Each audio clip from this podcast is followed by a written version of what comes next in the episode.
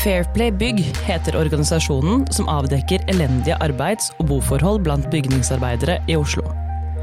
Arbeidslivskriminalitet, manglende utbetalinger, hvitvasking og grov utnyttelse. Hvordan står det egentlig til med bygningsarbeiderne i Oslo?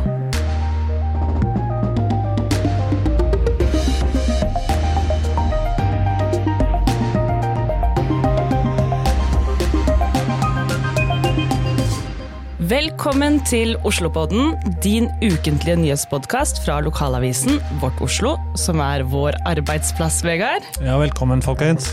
Jeg heter Oda, og sammen går vi nærmere inn på én nyhetssak fra bybildet den siste uka. Og den uken her så skal vi snakke om hvordan det står til på arbeidsplassene til bygningsarbeiderne her i byen, fordi der er det mye grums. Ja, og bakgrunnen for at vi snakker om dette her, er en uh, sak vi hadde i Vårt Oslo, som handler om uh, kutt i Oslo-budsjettet til uh, såkalte Fair Play-bygg. Og det har gitt oss en mulighet til å se litt nærmere på hvordan det egentlig står til i byggenæringen, eller på byggearbeidsplassene rundt omkring her i byen. Mm. for det lurer vi egentlig litt på. er det helt greie arbeidsforhold der? Det får vi høre at det kanskje ikke er. Mm. Og dermed så vil vi gjerne forstå litt mer av det. Ja, og Fairplay Bygg det er jo en organisasjon som starta opp i 2019. Og de avslører og bekjemper arbeidslivskriminalitet og dokumenterer lovbrudd i byggenæringen. Og så langt i år så har de rapportert om 80 saker om arbeidslivskriminalitet her i byen. Og det er jo ganske mange, da. Mange som eh, lever under ganske dårlige arbeidsforhold. Ja, man skulle jo tro at uh, dette her var noe som uh, Oslo kommune vil prioritere og sette av midler til. Mm. Og det kuttet som de har uh, gitt nå er et ganske lite og stusslig kutt på 650 000 kroner, som jo er bitte små penger i den store gyta til Oslo kommune. Ja. Men det å sørge for at folk faktisk har en lønn å leve av, og ikke blir utsatt for det som kalles for lønnstyveri eller tvang eller andre dårlige forhold, det må jo Oslo kommune også ta på alvor. Ja, og for, for Oslo kommune så er det jo en liten andel penger, men for Fairplay, som får ca. 1,2 millioner i støtte derfra, så er det jo en halvering av den, den støtten. Så det vil ha mye å si. Ja, og ikke minst i den tiden som vi lever i nå, hvor er, vi ser at det er litt tøffere. Folk har det litt trangere, bedrifter sparer inn. Kan, vi kan kanskje vente oss litt eh, tøffere tider i året som kommer. Mm. Eh, så kan det jo også være at enkelte arbeidsgivere vil prøve å ta en liten snar vei og, og, og, og skjerpe inn eller forverre arbeidsforholdene for de ansatte for å spare penger. Ja. Jeg håper ikke de gjør det hos meg, fordi akkurat nå så driver de og bygger på mitt bad. Vi har en totalrenovering av alle baderommene i blokka der hvor jeg bor. Så der er det bygningsarbeidere som går ut og inn eh, dagen lang og holder på å rive ned og bygge opp igjen. Så jeg håper at arbeidsforholdene der er sånn som det skal være. Har du sjekka? Det har jeg ikke, men det skal jeg gjøre nærmere etter denne episoden, kanskje. Se om jeg kan få noen tips og triks, og kanskje rapportere litt til eh, Fairplay hvis det er noe grums. En liten fugl har nemlig kvitret meg i øret at man bør spørre ja. eh, de som man har i sving, om, om det er greie arbeidsforhold. Jeg kan selv fortelle at jeg kom hjem til en dør her om dagen, og så jeg ikke, klarte jeg ikke å bruke nøkkelen i låsen. Den gikk bare rundt og rundt i den der såkalte låstrommelen. Okay. Eh, og så ringte jeg da litt desperat etter noen som kunne komme og åpne døra. Eh, og fikk dem til å komme der. Og da sa de, etter at de hadde gjort jobben, og jeg endelig kom inn, så sa de 'betal med VIPS, sa de. Ja, det ok, sa jeg bare da. Eh, og glemte å spørre om kvittering eller hva det skulle være eh, etter det. Så jeg kan jo tenke meg at dette ikke var helt hvitt, eh, for å si det sånn. Ikke helt på det rene der, nei. Ikke helt på det rene, men så, jeg, så skal jeg til gjengjeld fortelle at jeg, har, jeg har, hadde også nylig elektrikere på besøk. Eh, og de gjorde en litt større jobb, og da husket jeg på å spørre at jeg måtte ha med kvittering. Mm.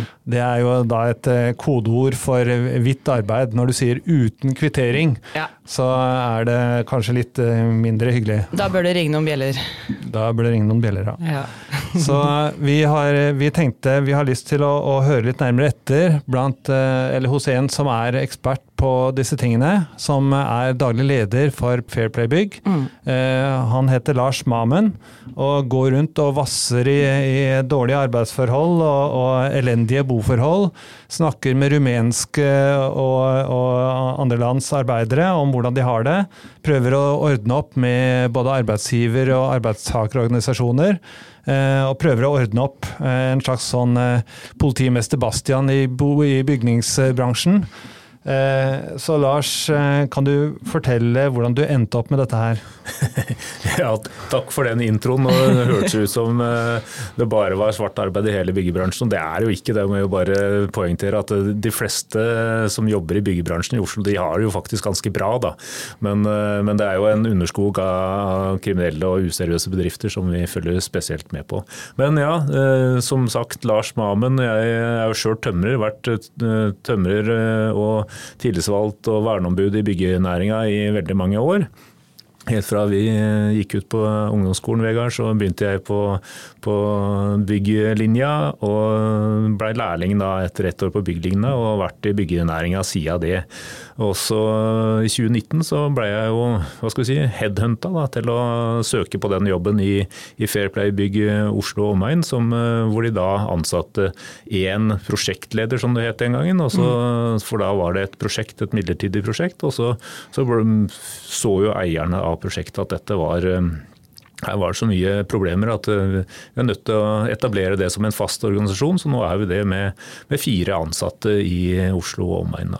Hva tenkte du da du ble headhunta og hørte om det her for første gang? da, Om hva de skulle drive med og hva jobben din gikk ut på? Jeg tenkte at dette kunne jo bli litt tøft. da, ja. og at Det kunne også bli litt tøft å, å jobbe med det alene. Og det, det, var jo, men jeg var jo knytta opp mot organisasjonene, altså både fagrørsla og arbeidsgiverorganisasjonene innenfor bygg og elektro. Så, så det, det, var jo en veldig støtte. Men, men det er jo et risikobilde rundt dette her. og det er jo folk eh, som tjener mye penger og er også villige til å forsvare, forsvare overskuddet sitt. Da. Så, som vi kanskje utfordrer litt. Men heldigvis så vi har jo ikke hatt noen episoder med, med sånne ubehageligheter. Men vi har jo tatt våre forhåndsregler, da. Mm. Men du har vært, eh, du har vært bygningsarbeider sjøl, Lars, har du ikke det? Ja, ja, nettopp. Har du, har du vært utsatt for eh, press eller, eller, dårlige arbeidsforhold eh, på arbeidsplassene?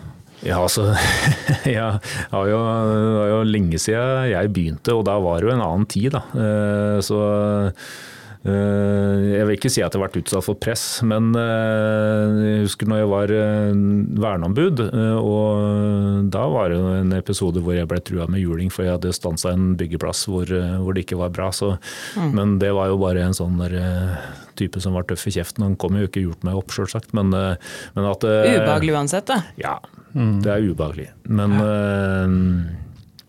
Men, det har gått bra. og øh, Jeg er jo en type som kan tåle en trøkk, da. Men, øh, men øh, det er jo Skal ikke kimse av det. Og vi har som sagt hatt forhåndsregler og lagd rutiner og har en sånn voldsalarm som vi kan trykke på hvis vi mm. er ute på byggeplasser hvor, hvor vi mener det er riktig. Det, og så, så, vi har tatt forhåndsregler, for dette er jo, noen av disse er jo tunge kriminelle som vi jobber med. Mm. Du sier at du har holdt på lenge, Lars, eh, i bygningsbransjen. Kan du si noe om, Har det blitt bedre eller verre, eller hvordan, hvordan dette, har dette utvikla seg? Nei, Det har blitt eh, langt verre i byggebransjen. og Det har en sammenheng med globaliseringa og åpne grenser i Europa og kriser andre steder i Europa og utenfor Europa òg. Og det har jo selvsagt påvirka det norske arbeidsmarkedet. Det er jo gjort en del eh, tiltak for å dempe på, på, på dette her, bl.a. med at det er innført minstelønn i byggebransjen og andre, mm. en del andre utsatte bransjer. men eh, men det er helt klart at uh, uh, internasjonaliseringa, globaliseringa av både arbeidslivet, men også kriminaliteten har påvirka, påvirka norske arbeidsmarkedet, og særlig grad Oslo, da, som er den store gryta hvor, hvor prisene er høyest på, på, på byggemarkedet og på boligmarkedet. Mm. Mm. Så for Du nevnte også for meg at med EU-utvidelsen i 2004. Det, for det åpna for at flere arbeidere fra Øst-Europa kunne komme hit og jobbe, gjorde det ikke det? Mm, nettopp. Og etter det så har det blitt enda verre igjen, mener du det? Altså EU-utvidelsen i 2004 fikk jo en ganske dramatiske konsekvenser på en del bransjer, og det er jo ikke noe tvil om. Altså, skal, har ikke, Fairplay Bygg har jo ikke noe holdning til EU, men vi er nødt til å håndtere den, det tilbudssjokket da, som det ble kalt av billig arbeidskraft, som, mm. som kom når EU tok inn disse nye landene i Øst-Europa, og de fikk adgang til Schengen og det frie arbeidsmarkedet innad i Europa. Mm. Du snakker om eh, kriminalitet i bygningsbransjen. Nå blir jeg litt nysgjerrig. Eh, det, hva slags kriminalitet snakker vi om da?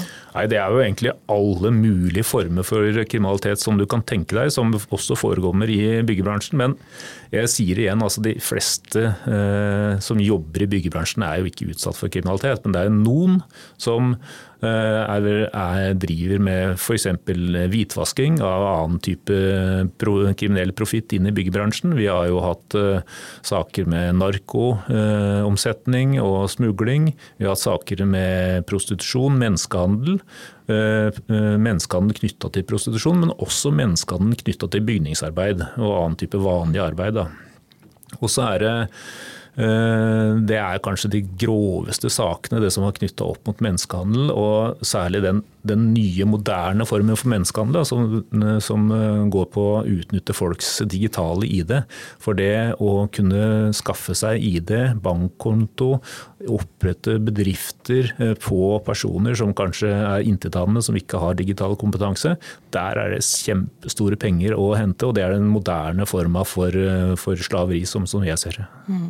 Det er ganske heavy ting du snakker om her, med menneskehandel og prostitusjon og hvitvasking og narko. Altså det er harde miljøer. Hva, hva er det verste som du har sett og avdekka innenfor uh, arbeidsforhold i byggebransjen? Ja, altså, det er mange grove saker. Da. Det er klart, kanskje de verste er jo der det handler om vold og press. Uh, uh, nå er jo Jeg tror at eh, press er eh, over tid verre enn eh, å få en ørefik av sjefen en gang imellom. Altså. Hva slags jo, press snakker du om da? Da snakker vi om press for å få arbeidstakerne til å bli lojale. Altså at de ikke skal varsle til Arbeidstilsynet, at de ikke skal ta kontakt med fagforeninger eller Fair Play og at de må akseptere de forholdene de lever under. og Da kan det være press ja, nærmest revolver mot tinninga, mm. eller at de har da kontroll på familien i hjemlandet, og så kan de vise fram en bilde av, dattera di og si ja, 'søt jente du har, jeg håper det går bra med meg på skolen'. Og så er det et press uten at det er direkte uttalt. Da. Ja, ja. Men er, er, dette historie, altså Det du sier nå, det er veldig konkret det du beskriver nå. Mm. Har du hørt den type historier, eller er dette litt sånn måte, anekdotisk? Eller har du hørt den type historier? Ja, vi, vi, vi, kjenner til sånne historier. Og, øh, men her er øh, dette er litt vanskelig tema. For at øh, disse her karene da, som kommer fra Øst-Europa, Serbia eller Romania, Bulgaria, Moldova osv., det er en annen eh, mannskultur der nede. Så De vil ikke lett innrømme at de er, eh, er redd for sjefen. Da på en måte har de tapt ansikt. Så Hvis en sånn vanlig vanlig revisor da, skal komme inn og revidere dette selskapet, så vil han intervjue noen typisk noen arbeidere, og så vil han høre at det her er alt greit.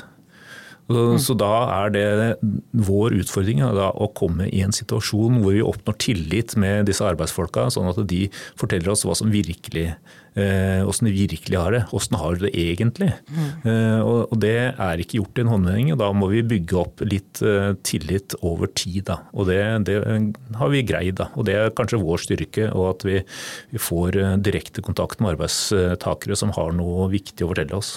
Hvordan gjør dere det, da?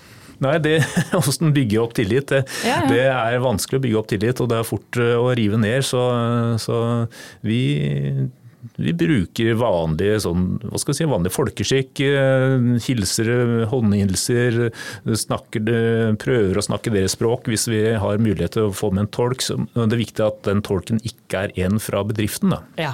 For det er ofte de som, som, skal kontrollere disse bedriftene, de eh, tar med formannen eller basen eller arbeidsgiveren da, eh, som tolk. Og da får du jo ikke den virkelige historien. Da vil du bare Nei, nei. høre det arbeidsgiveren har instruert dem om å si. Men, men du sier at uh, det er en annen mannskultur, og at disse mennene ikke vil innrømme at de er redde for sjefen sin. Da skulle man jo tro at eh, de ikke, noe, at de ikke var redde for å snakke med dere da, om, om hvordan arbeidsforholdene var. For at uh, de er ikke så redde for sjefen sin. Ja, men det, sånn, Dette vet jo du òg, Vegard. så Du kan jo si at du, nei, nei, jeg er ikke høydere i det. Men det kan hende du tenker noe annet når du står oppe på toppen av stillerten.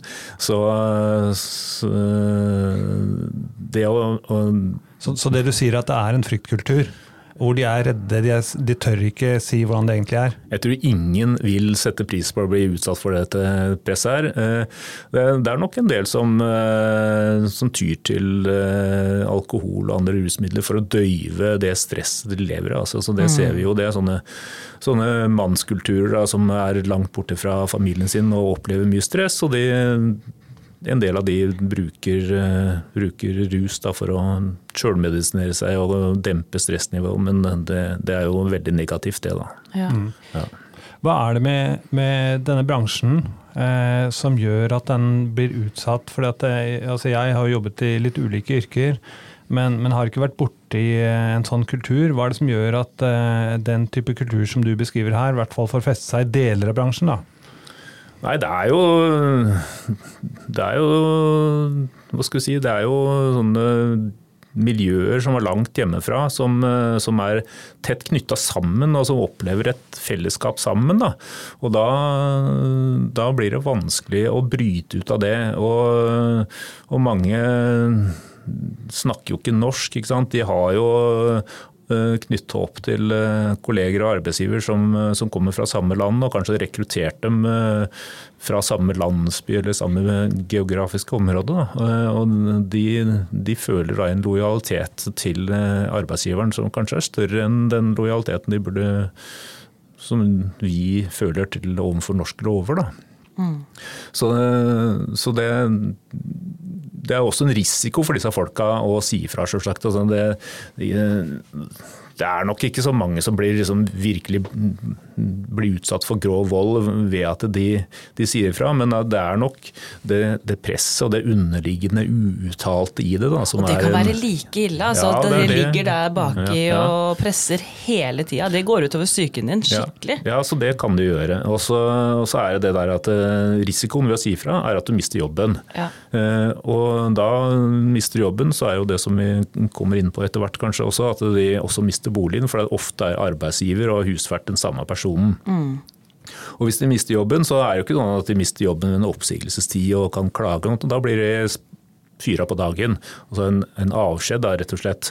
Eh, og Ofte får de ikke det ut i pengene de har innestående, med feriepenger og, og lønnen som er innestående, som de ikke har fått utbetalt. Så, så de taper det. da. Så det, det, er en stor risiko også ved jeg si ifra. Så, mm. Derfor tenker jeg innmari viktig den eh, kanalen vi har, hvor vi kan være en varslingskanal som, eh, som disse arbeidstakerne kan bruke. For at de har jo ikke den samme tilliten til eh, Arbeidstilsynet eller de offentlige varslingskanalene som vi som sitter her tenker at det er helt naturlig å bruke. Hvis noe mm. bør varsles om, så, så, vil ikke vi være noe redd for å si ifra til Arbeidstilsynet eller politiet. Men disse her har en stor, det er en stor barriere for dem å, å gå det skrittet, så de setter veldig pris på at de kan si fra til Fair Play, så kan vi mm. overta varselet og varsle på deres vegne. Mm. og Deres navn blir anonymisert. Ja, for nå er Du inne på noe som jeg er litt nysgjerrig på. Så du sa litt om det i stad når du snakka om å få tillit. Men hvordan er det dere går inn når dere jobber og avdekker de tinga her? Er det på tips, eller er det dere som får, ser ting og får mistanke? Eller hvordan, hvordan går dere fram? Det, det, er begge deler. Altså, mange eh, tipser direkte til oss, og vi har etter hvert fått et rykte på oss i disse miljøene. Sånn at det er et poeng å si fra til oss. Eh, og så er vi ute og oppsøker arbeidsplasser direkte. Vi snakker med folk eh, ute på byggeplasser eh, eller andre steder som bygningsarbeidere treffes. Ja. Ofte er det vanskelig kanskje å få, få greie på hvordan forhold egentlig er hvis du er ute på byggeplasser, for da er det noen som ser hvem som snakker med hvem osv. Så, mm. så Så når vi har oppsøkt f.eks. Eh, Kjerkas Bymisjon. Eh, det arbeidet de gjør mot eh, bostedsløse, og sitter og drikker kaffe med dem, så kan vi høre en del av de som har jobba svart på ulike byggeplasser. Mm. Mm. Når du sier, så blir jeg også litt nysgjerrig på det her med utenlandsk kultur. Fordi det høres nesten ut som dette er en sånn utenlandsk kultur som vi har importert til Norge. Uh, er det sånn at blant norske nordmenn så er det, så er det ikke noe Der er det ikke noe tull? Der er det bare alt er på stell. Og nei, nei, det, da misforstår du med vilje. Det, det, det, vil jeg ikke si. Altså. Men uh, de, de, fleste som blir utsatt for en del av ulike former for lønnsjury og sånn press som vi snakka om, det er utenlandske arbeidstakere. For de er lett lettere å utnytte. Da. De har ikke det nettverket i Norge. Men mange av de som uh, står på andre sida, som er de som tjener penger på dette, her, det er jo nok folk, både nordmenn og, og folk som har vært i Norge lenge. Da. Mm. Mm. Vi må inn på det med boforhold også, for det er jo arbeidsforhold. Men så er det jo også, sånn som du snakka om i stad, ofte så er arbeidsgiver også boligeier, sånn at de leier der. Eller så bor man på brakker, kanskje. Mm. Kan, du, kan, du, fortelle litt om hva, om hva dere har sett der, eller hvordan, hvordan ståa er, da? Ja, altså det, Som jeg sa i stad, som jeg ofte må presisere, da, at det, for de fleste så er dette bra. Ja. Det er helt vanlig for bygningsarbeidere og anleggsarbeidere i Norge å måtte bo litt hjemmefra og bli innkvartert på brakker, og da har vi standarder for hvordan en sånn brakke skal se ut. Og det, det er stort sett veldig bra. Men så er det disse her som kommer fra, si de kommer fra Moldova da, mm. og skal begynne å jobbe i Oslos byggebransje. Eh, kommer uten noe særlig kroner til Norge. Er vel Europas fattigste land, eller et av de fattigste i hvert fall. Ja.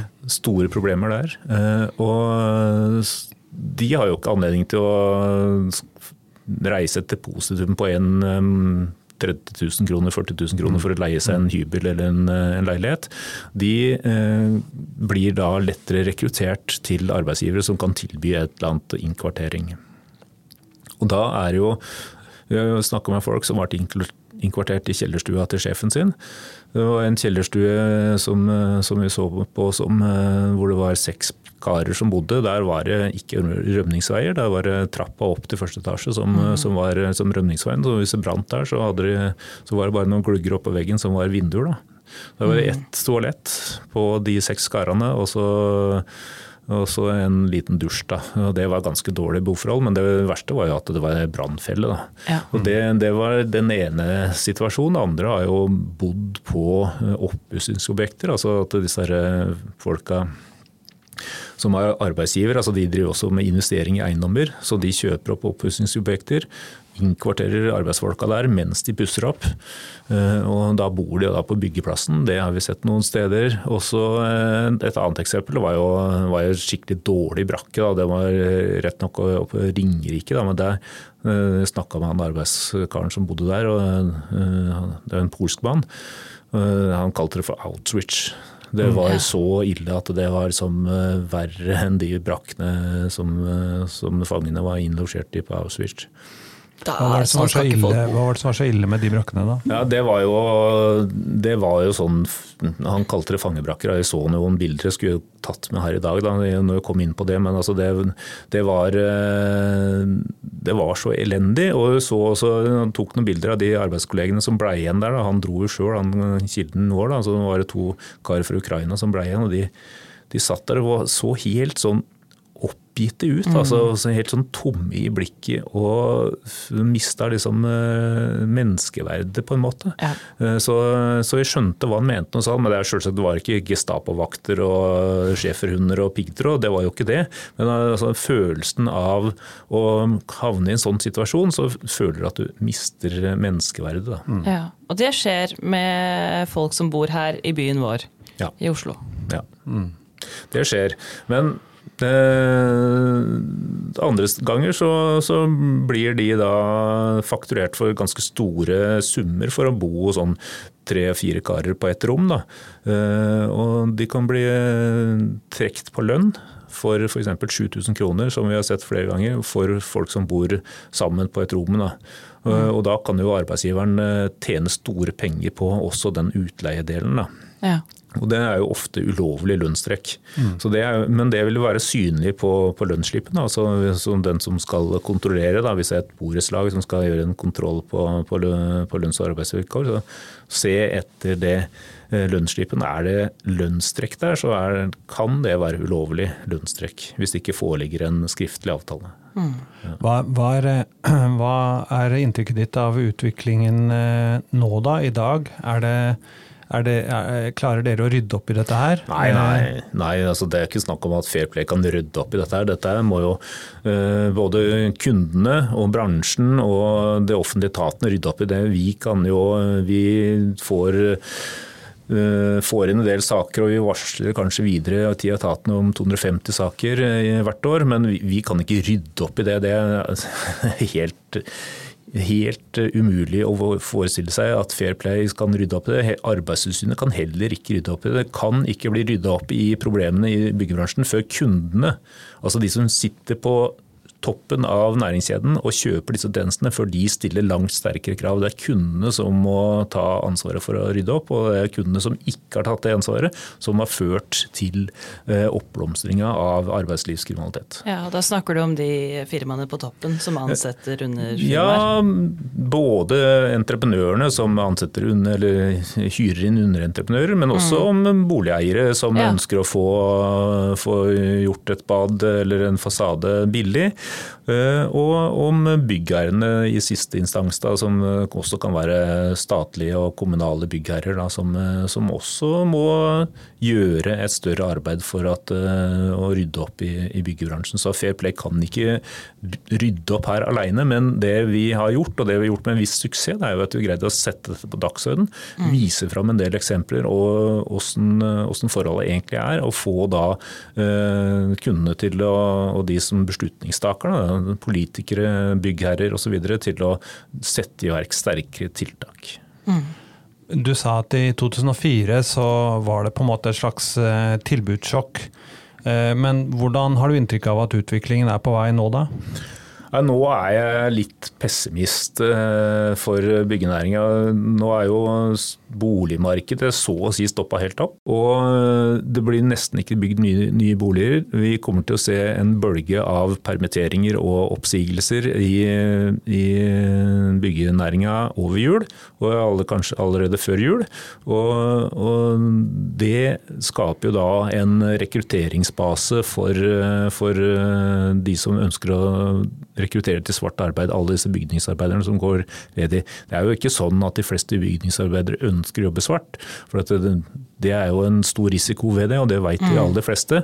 Men altså, noen det blir jo lettere å rekruttere da, til svart arbeid når de går arbeidsledige. Ja.